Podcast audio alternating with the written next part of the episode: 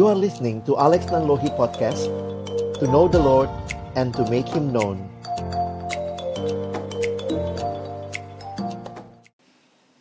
Shalom teman-teman sekalian, kita akan berdoa sebelum membaca merenungkan firman Tuhan. Mari kita berdoa. Bapa di dalam surga, kami bersyukur karena Engkau Allah yang sungguh tidak terbatas dan Engkau juga yang memungkinkan sore hari ini kami dari berbagai tempat yang berbeda-beda dipersatukan di dalam ibadah kami kepadamu. Terima kasih Tuhan karena tidak ada hal yang sebenarnya bisa membatasi kami kecuali kami sendiri yang mungkin membatasi diri kami untuk melihat karyamu, anugerahmu, dan juga kami bersyukur kesempatan sore hari ini. Tuhan berikan bagi kami untuk bersama-sama belajar akan kebenaran firman-Mu. Biarlah ya Tuhan, apa yang sama-sama akan kami baca dan renungkan dari firman-Mu. Engkau Allah yang menolong kami. Pada akhirnya bukan hanya mengerti kebenaran firman-Mu, tetapi juga boleh menerapkannya di dalam kehidupan kami. Bersabdalah ya Tuhan, kami anak-anak-Mu sedia mendengarnya. Di dalam satu nama yang kudus, nama yang berkuasa, nama Tuhan kami Yesus Kristus, kami menyerahkan pemberitaan firman-Mu. Amin. Ya, teman-teman yang dikasihi Tuhan, pertama-tama saya bersyukur kepada Tuhan kesempatan ini jadi kesempatan yang indah tanpa harus ada di Bali. Saya bisa share firman Tuhan dengan teman-teman sekalian. Tentunya ini jadi hal yang kita syukuri bahwa COVID memang terjadi begitu menyedihkan banyak nyawa yang harus melayang, banyak orang yang sedang terin, uh, terkena dan dirawat tetapi juga Tuhan masih memberikan kesempatan kepada kita untuk sama-sama beribadah, sama-sama boleh mendengarkan firman Tuhan. Teman-teman, mari sama-sama kita melihat tema kita. Saya siapkan satu slide presentasi, jadi nanti tolong kita bisa lihat uh, materi ini, dan nanti teman-teman juga bisa mengikuti beberapa ayatnya. Semua saya sudah tulis. Jadi silakan bisa di zoom kalau terlalu kecil supaya teman-teman juga nanti bisa mengikuti bersama-sama. Nah, teman-teman yang dikasihi Tuhan, saya uh, mendengar bahwa ini adalah bagian atau rangkaian dalam bulan PI yang sudah berlangsung dan kita masuk dalam kesempatan untuk mengakhirinya. Tentunya dalam program kita bisa mengakhiri ini sebagai akhir bulan PI tetapi di dalam kerinduan untuk bersaksi bagi Tuhan, membawa kabar baik itu, saya pikir itu bukan hal yang berakhir dengan berakhirnya bulan PI ini. Nah, tema yang diberikan kepada kita pada hari ini adalah Christ's uh, Ambassador. Jadi, kita bicara tentang menjadi duta-duta Allah atau utusan-utusan Allah atau mungkin kalau kita dengar kata ambasador kita lebih senang atau lebih sering membayangkan itu adalah duta besar begitu ya. Nah, teman-teman saya mengajak kita melihat next slide. kita akan melihat di dalam 2 Korintus pasal yang kelima ayat 18 sampai ayat yang ke-20. Sekali lagi saya sudah coba tuliskan slide-nya di depan. Next. Teman-teman bisa lihat di layar. Mari kita membaca, saya akan bacakan bagi kita 2 Korintus pasal 5 ayat 18 sampai ayat yang ke-20. Dan semuanya ini dari Allah yang dengan perantaraan Kristus telah mendamaikan kita dengan dirinya dan yang telah mempercayakan pelayanan pendamaian itu kepada kami. Sebab Allah mendamaikan dunia dengan dirinya oleh Kristus dengan tidak memperhitungkan pelanggaran mereka, ia telah mempercayakan berita pendamaian itu kepada kami. Jadi, kami ini adalah utusan-utusan Kristus. Seakan-akan Allah menasehati kamu dengan perantaran kami, dalam nama Kristus kami meminta kepadamu, berilah dirimu didamaikan dengan Allah. Teman-teman, kalau kita mendengar kata Christ Ambassador, ini sebenarnya yang muncul yang kita bisa perhatikan di dalam 2 Korintus pasal 5 ayatnya yang ke-20. Jadi tema kita atau secara khusus uh, kalimat tema kita Christ Ambassadors itu munculnya di dalam tulisan Paulus di dalam 2 Korintus pasal 5 ayat yang ke-20. Nah, teman-teman perhatikan yang saya beri warna biru itu Paulus juga sebenarnya lagi berbicara tentang apa? Paulus lagi berbicara tentang pelayanan pendamaian.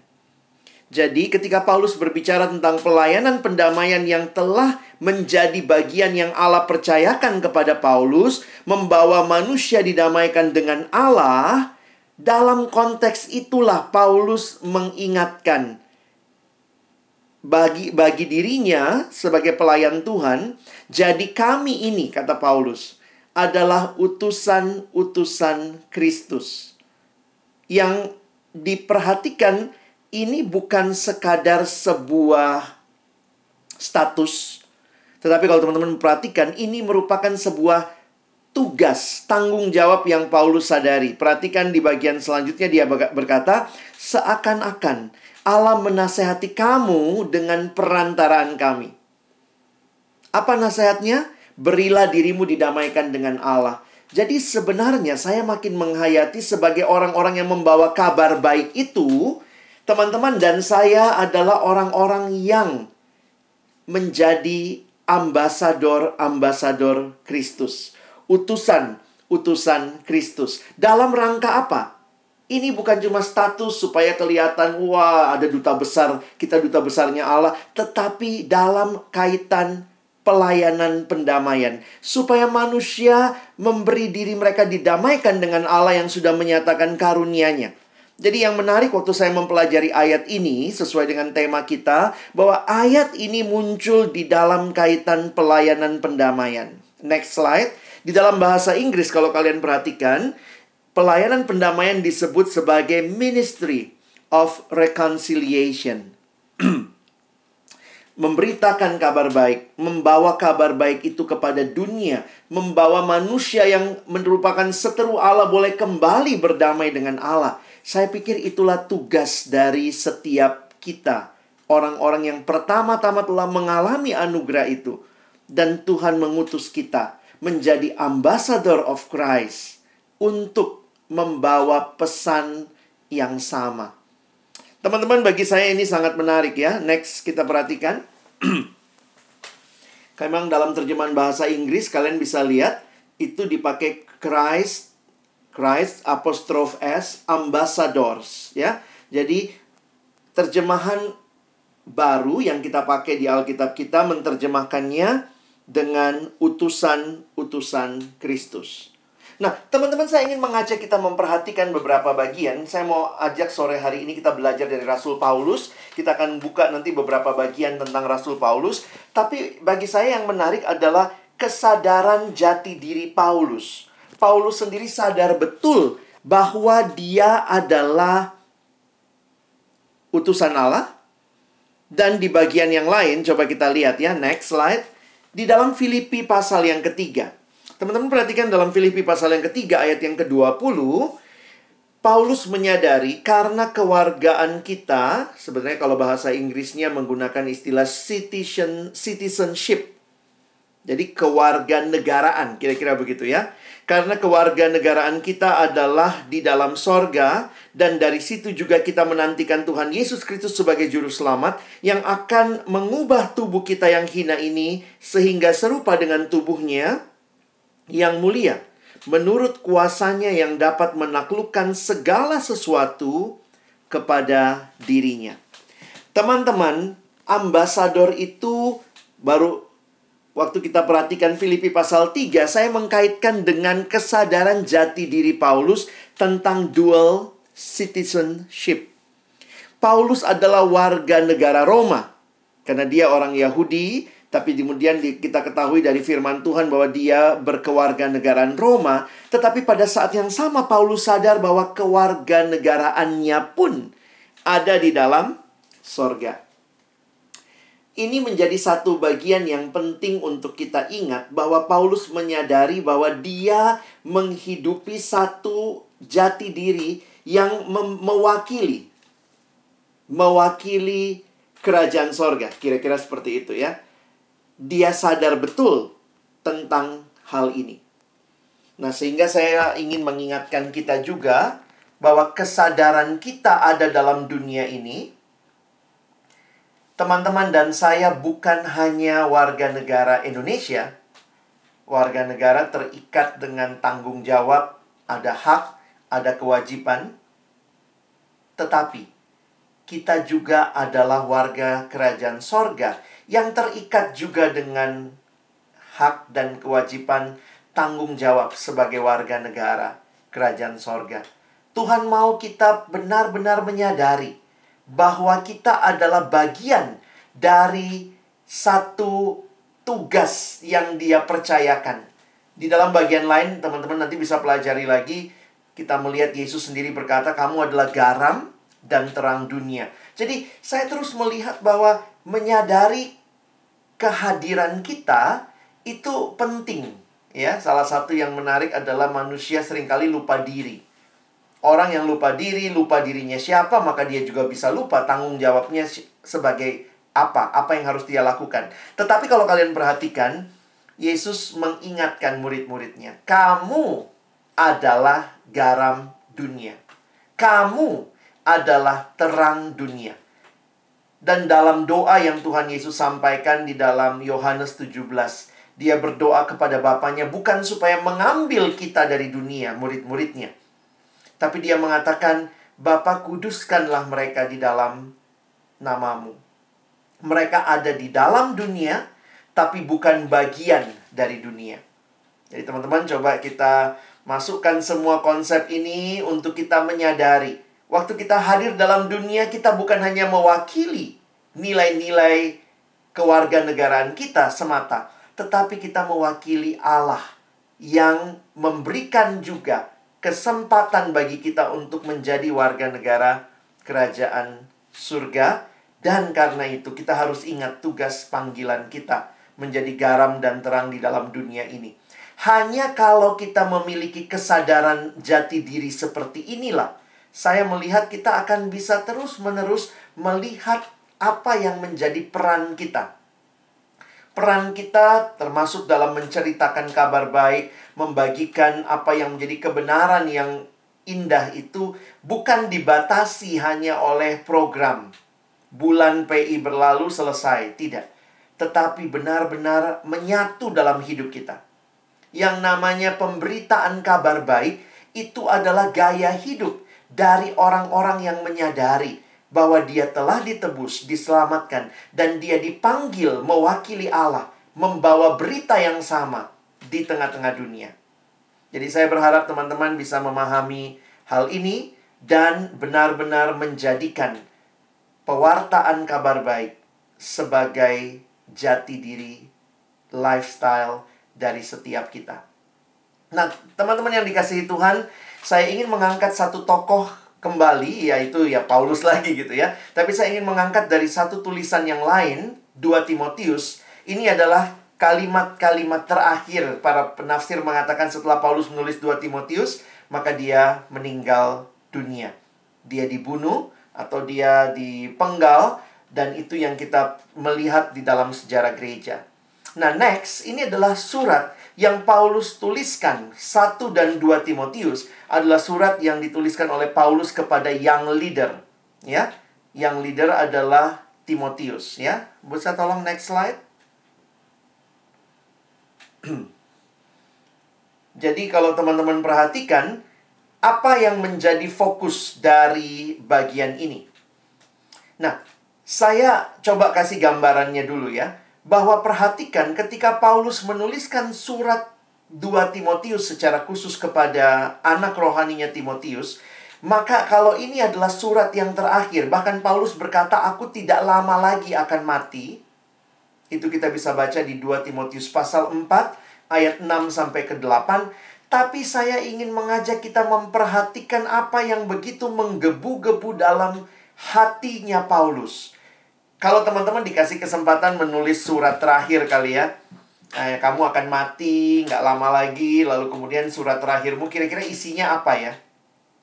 Mungkin kita membayangkan oh isinya uh, jangan lupa ya nanti di nisanku tulis ini. Oh ya nanti jangan lupa ya saya minta peti yang paling bagus begitu ya. Saya tidak melihat itu sama sekali di dalam 2 Timotius. Teman-teman, 2 Timotius mengingatkan kepada kita bahwa yang namanya berita Injil kabar baik itu itulah yang menjadi fokus utama Paulus bahkan sampai di akhir hidupnya. Apa yang ada di screen teman-teman? Ini adalah 2 Timotius pasal 1 ayat 1 dan 2. Teman-teman perhatikan kalimatnya ditulis di sini dari Paulus Rasul Kristus Yesus oleh kehendak Allah untuk memberitakan. Nah, perhatikan nih, saya sengaja garis bawahi lihat bahasa Inggrisnya di bawah yang Paulus sadari menjadi tugas yang dia beritakan adalah janji tentang hidup. The to the promise of life. Teman-temanku, kita waktu melihat situasi pandemik ini makin kebayang ya betapa berharganya hidup. Dan terus orang menunggu vaksin untuk mengatasi pergumulan corona ini. Tapi sebenarnya pandemik yang sesungguhnya itu yang dikatakan di Roma pasal yang ketiga ayat 23. Semua manusia telah berdosa. Corona menjangkit sudah sudah tersebar begitu rupa ya sekitar 3 juta orang terkena dampaknya tapi tetap belum semua orang gitu ya. Jadi sebenarnya the real pandemic the Bible give us a very clear understanding bahwa semua manusia berdosa dan kehilangan kemuliaan Allah dan vaksinnya adalah Yesus Kristus yang memberikan kehidupan out of the death.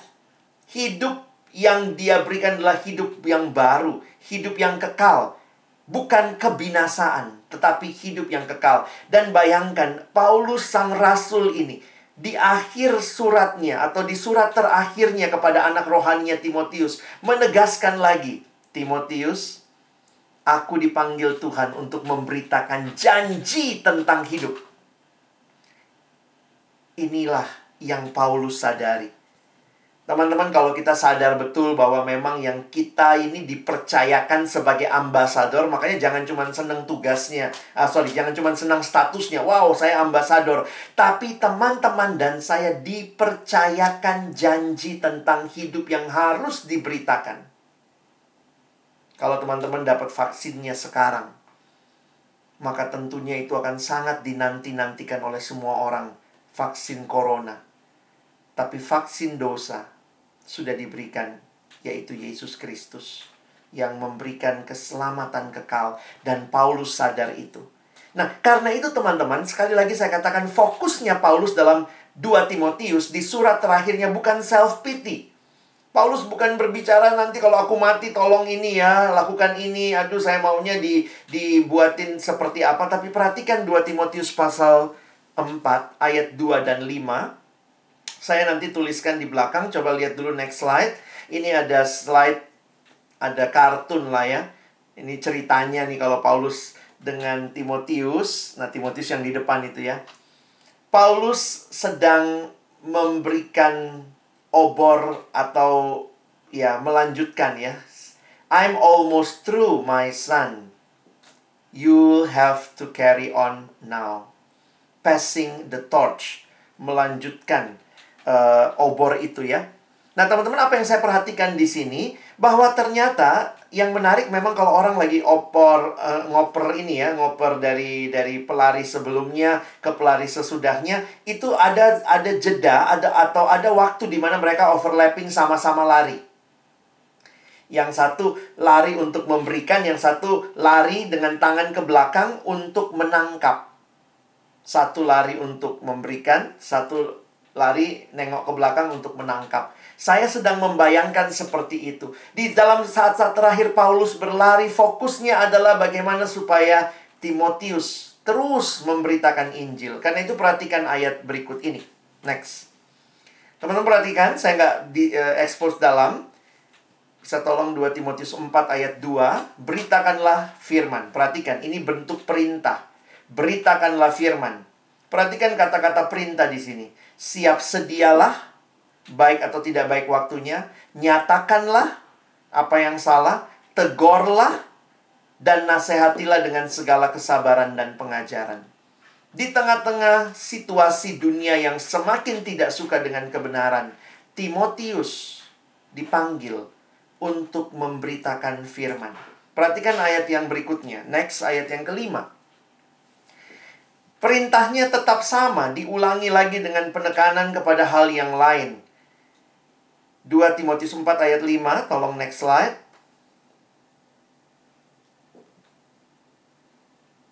Tetapi kuasailah dirimu dalam segala hal, sabarlah menderita, lakukanlah pekerjaan pemberita Injil, dan tunaikanlah tugas pelayananmu. Teman-teman lihat, kalau dua ayat ini kita gabung, next slide. Intinya cuma ini. Beritakanlah firman. Preach the word. Next slide. Nanti teman-teman tadi udah lihat ya bisa keluarkan semua itu siap sedialah nyatakanlah tegurlah nasihatilah next slide lagi ayat yang kelima kuasailah dirimu sabarlah menderita jadi saya melihat fokus Paulus di akhir hidupnya adalah Timotius teruslah beritakan firman siap sedialah baik tidak baik waktunya dan segala hal kalau ada yang salah ditegur dinyatakan kebenaran saya meminjam kesimpulan John Stott dia menyimpulkan demikian. Next. Di dalam bagian ini, Paulus menegaskan beritakanlah firman dengan tiga hal. Pertama, pada segala kesempatan. Yang kedua, dalam segala kebenaran. Kalau ada yang salah, tegurlah, nasihatilah. Dan juga yang ketiga, dengan segala usaha. Teman-temanku, inilah yang Tuhan rindukan.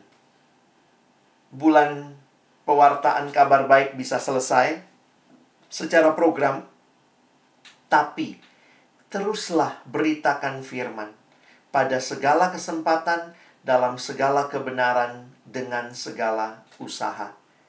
Banyak orang yang mulai mati gaya, kelamaan di rumah, udah mulai bingung, susah persekutuan, bahkan sudah bingung bagaimana bersaksi. Bagaimana ya caranya? Kenapa? Karena mungkin kita tidak melihat ini ada celah-celah kesempatan yang tetap bisa dipakai. Termasuk pertemuan kita sore hari ini. Dengan teknologi bisa. Kami lagi berusaha juga bergumul melihat bagaimana teknologi bisa dipakai untuk menyampaikan kebenaran lebih maksimal. Ya bersyukur secara uh, perkantas ya secara nasional kita juga punya program-program yang sebenarnya jauh sebelum Covid kita sudah melihat penting sekali pelayanan-pelayanan dalam media. Dan ini yang kita juga dorong teman-teman, kalian orang-orang muda, teruslah beritakan firman dengan apa? Dengan segala cara.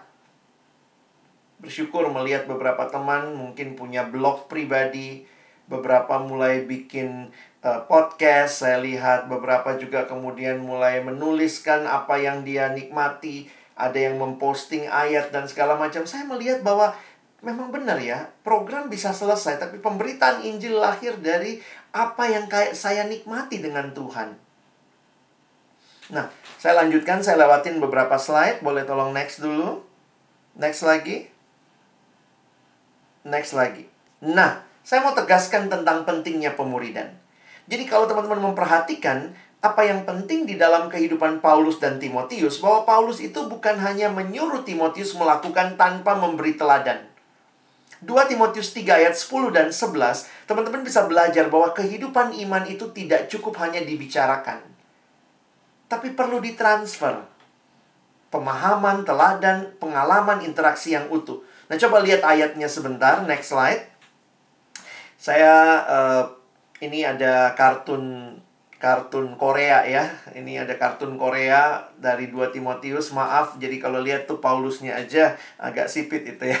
Nah, itu Paulus yang tua, ini Timotius. Nah, perhatikan 2 Timotius 3 ayat 10. Paulus bilang begini, "Tetapi engkau telah mengikuti ajaranku, cara hidupku, pendirianku, imanku, kesabaranku, kasihku dan ketekunanku. Ada hidup yang dibagikan." Teman-teman perhatikan, bicara ajaran, teman-teman bisa dengar ajaran saya, saya bisa khotbah, kalian bisa akses semua hal, kalian bisa dengar, tetapi kalian bisa tahu dari mana pendirian saya. Bagaimana kesabaran saya? Itu berarti harus ada hidup bersama. Karena itu saya pikir ketika kita mau terus memberitakan kebenaran ini, penting sekali pastikan juga pemuridan terus berjalan dalam pelayanan kita. Bagaimana pemuridan berjalan dalam situasi seperti ini? Pakailah segala media. Ingat, dalam uh, segala kesempatan, dalam dalam segala kebenaran dan dengan segala usaha. Dan next lagi kita lihat ternyata Paulus pernah ngajak Timotius dan waktu itu Paulus mengalami penderitaan. Di 2 Timotius 3 ayat 11 Paulus melanjutkan, "Engkau telah ikut menderita penganiayaan dan sengsara seperti yang telah kuderita di Antioquia dan di Iconium dan di Listra. Semua penganiayaan itu kuderita dan Tuhan telah melepaskan aku daripadanya." Teman-teman, cara terbaik mentraining orang memberitakan kabar baik adalah bukan kasih traktat, kasih buku manual, bukan suruh ikut training, utus ke mana, itu semua pasti akan berguna. Tetapi yang terbaik sebenarnya adalah ketika kita benar-benar membagikan itu, mengajak orang melihat, lihatlah hidupku. Aku sedang memberitakan kebenaran, memberitakan kabar baik, memberitakan Injil itu. Paulus mengingatkan Timotius, sudah lihat?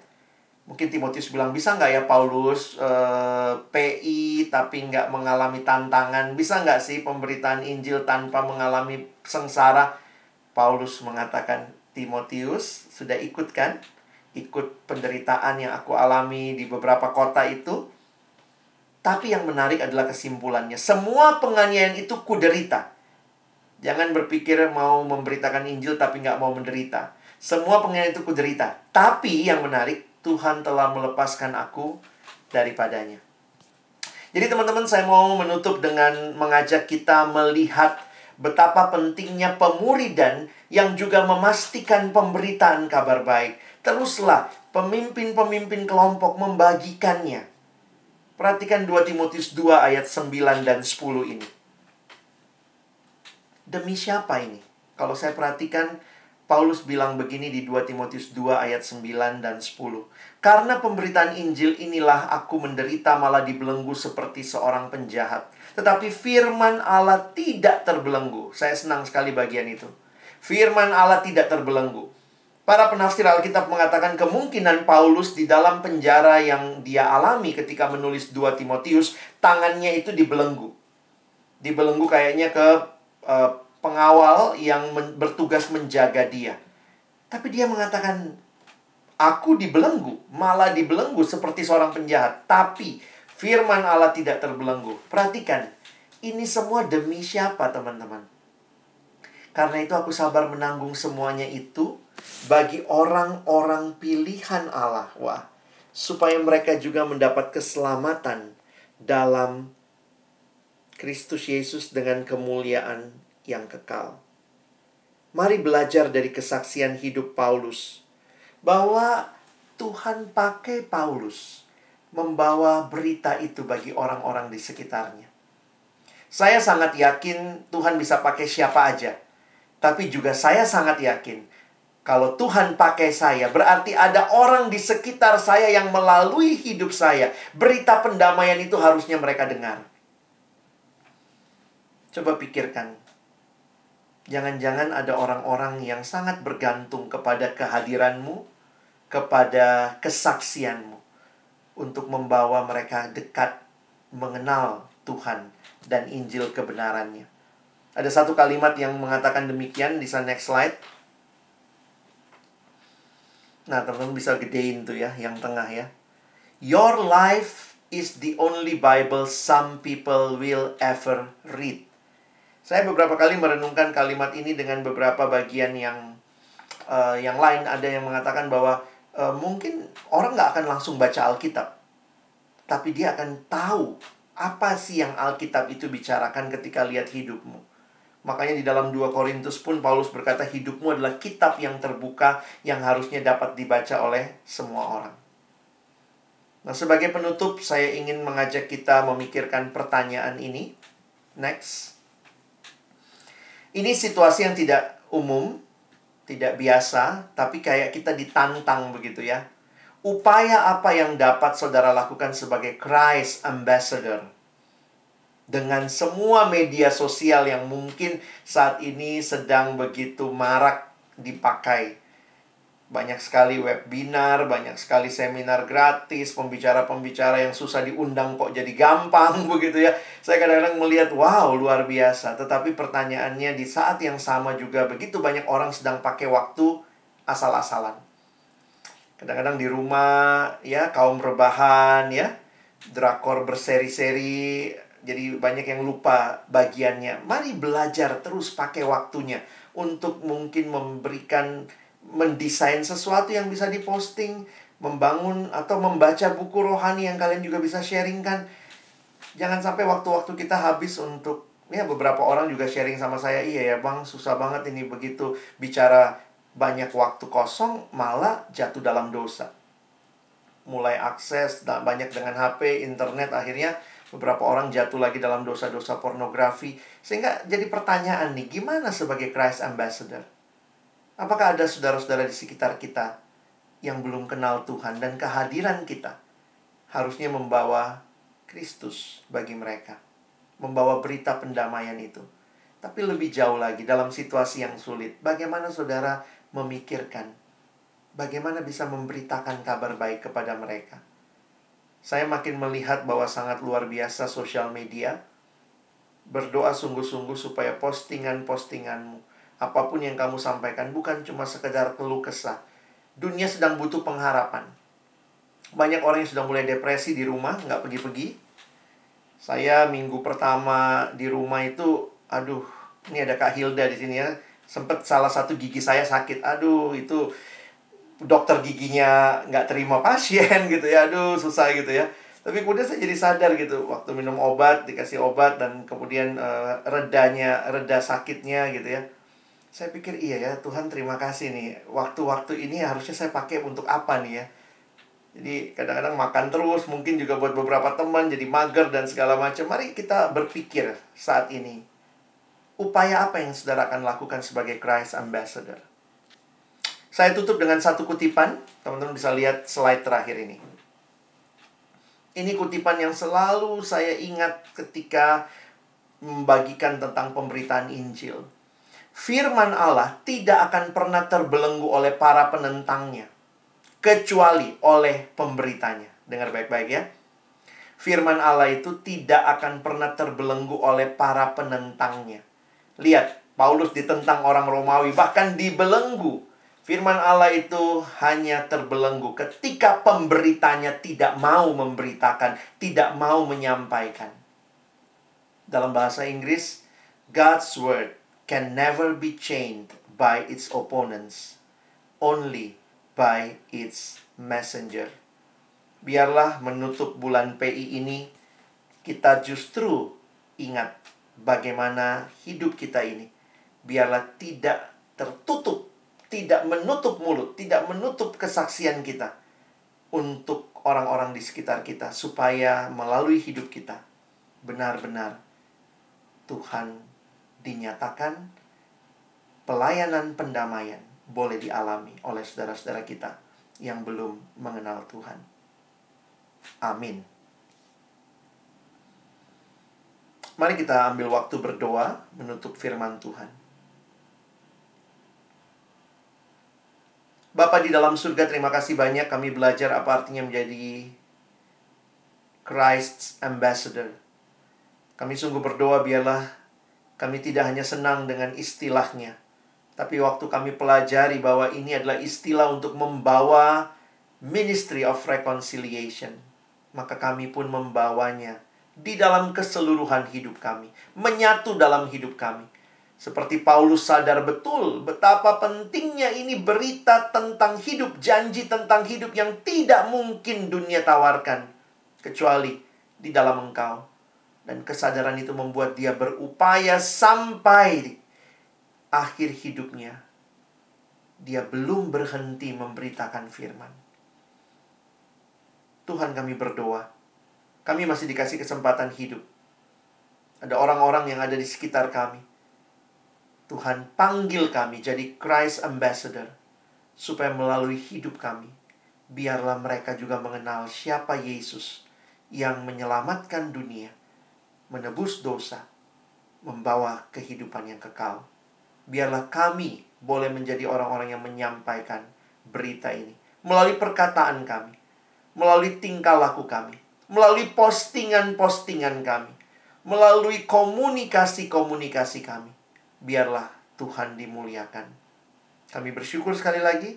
Tolong kami bukan cuma jadi pendengar, tapi jadi pelaku-pelaku firman dalam nama Tuhan Yesus. Kami berdoa. Amin.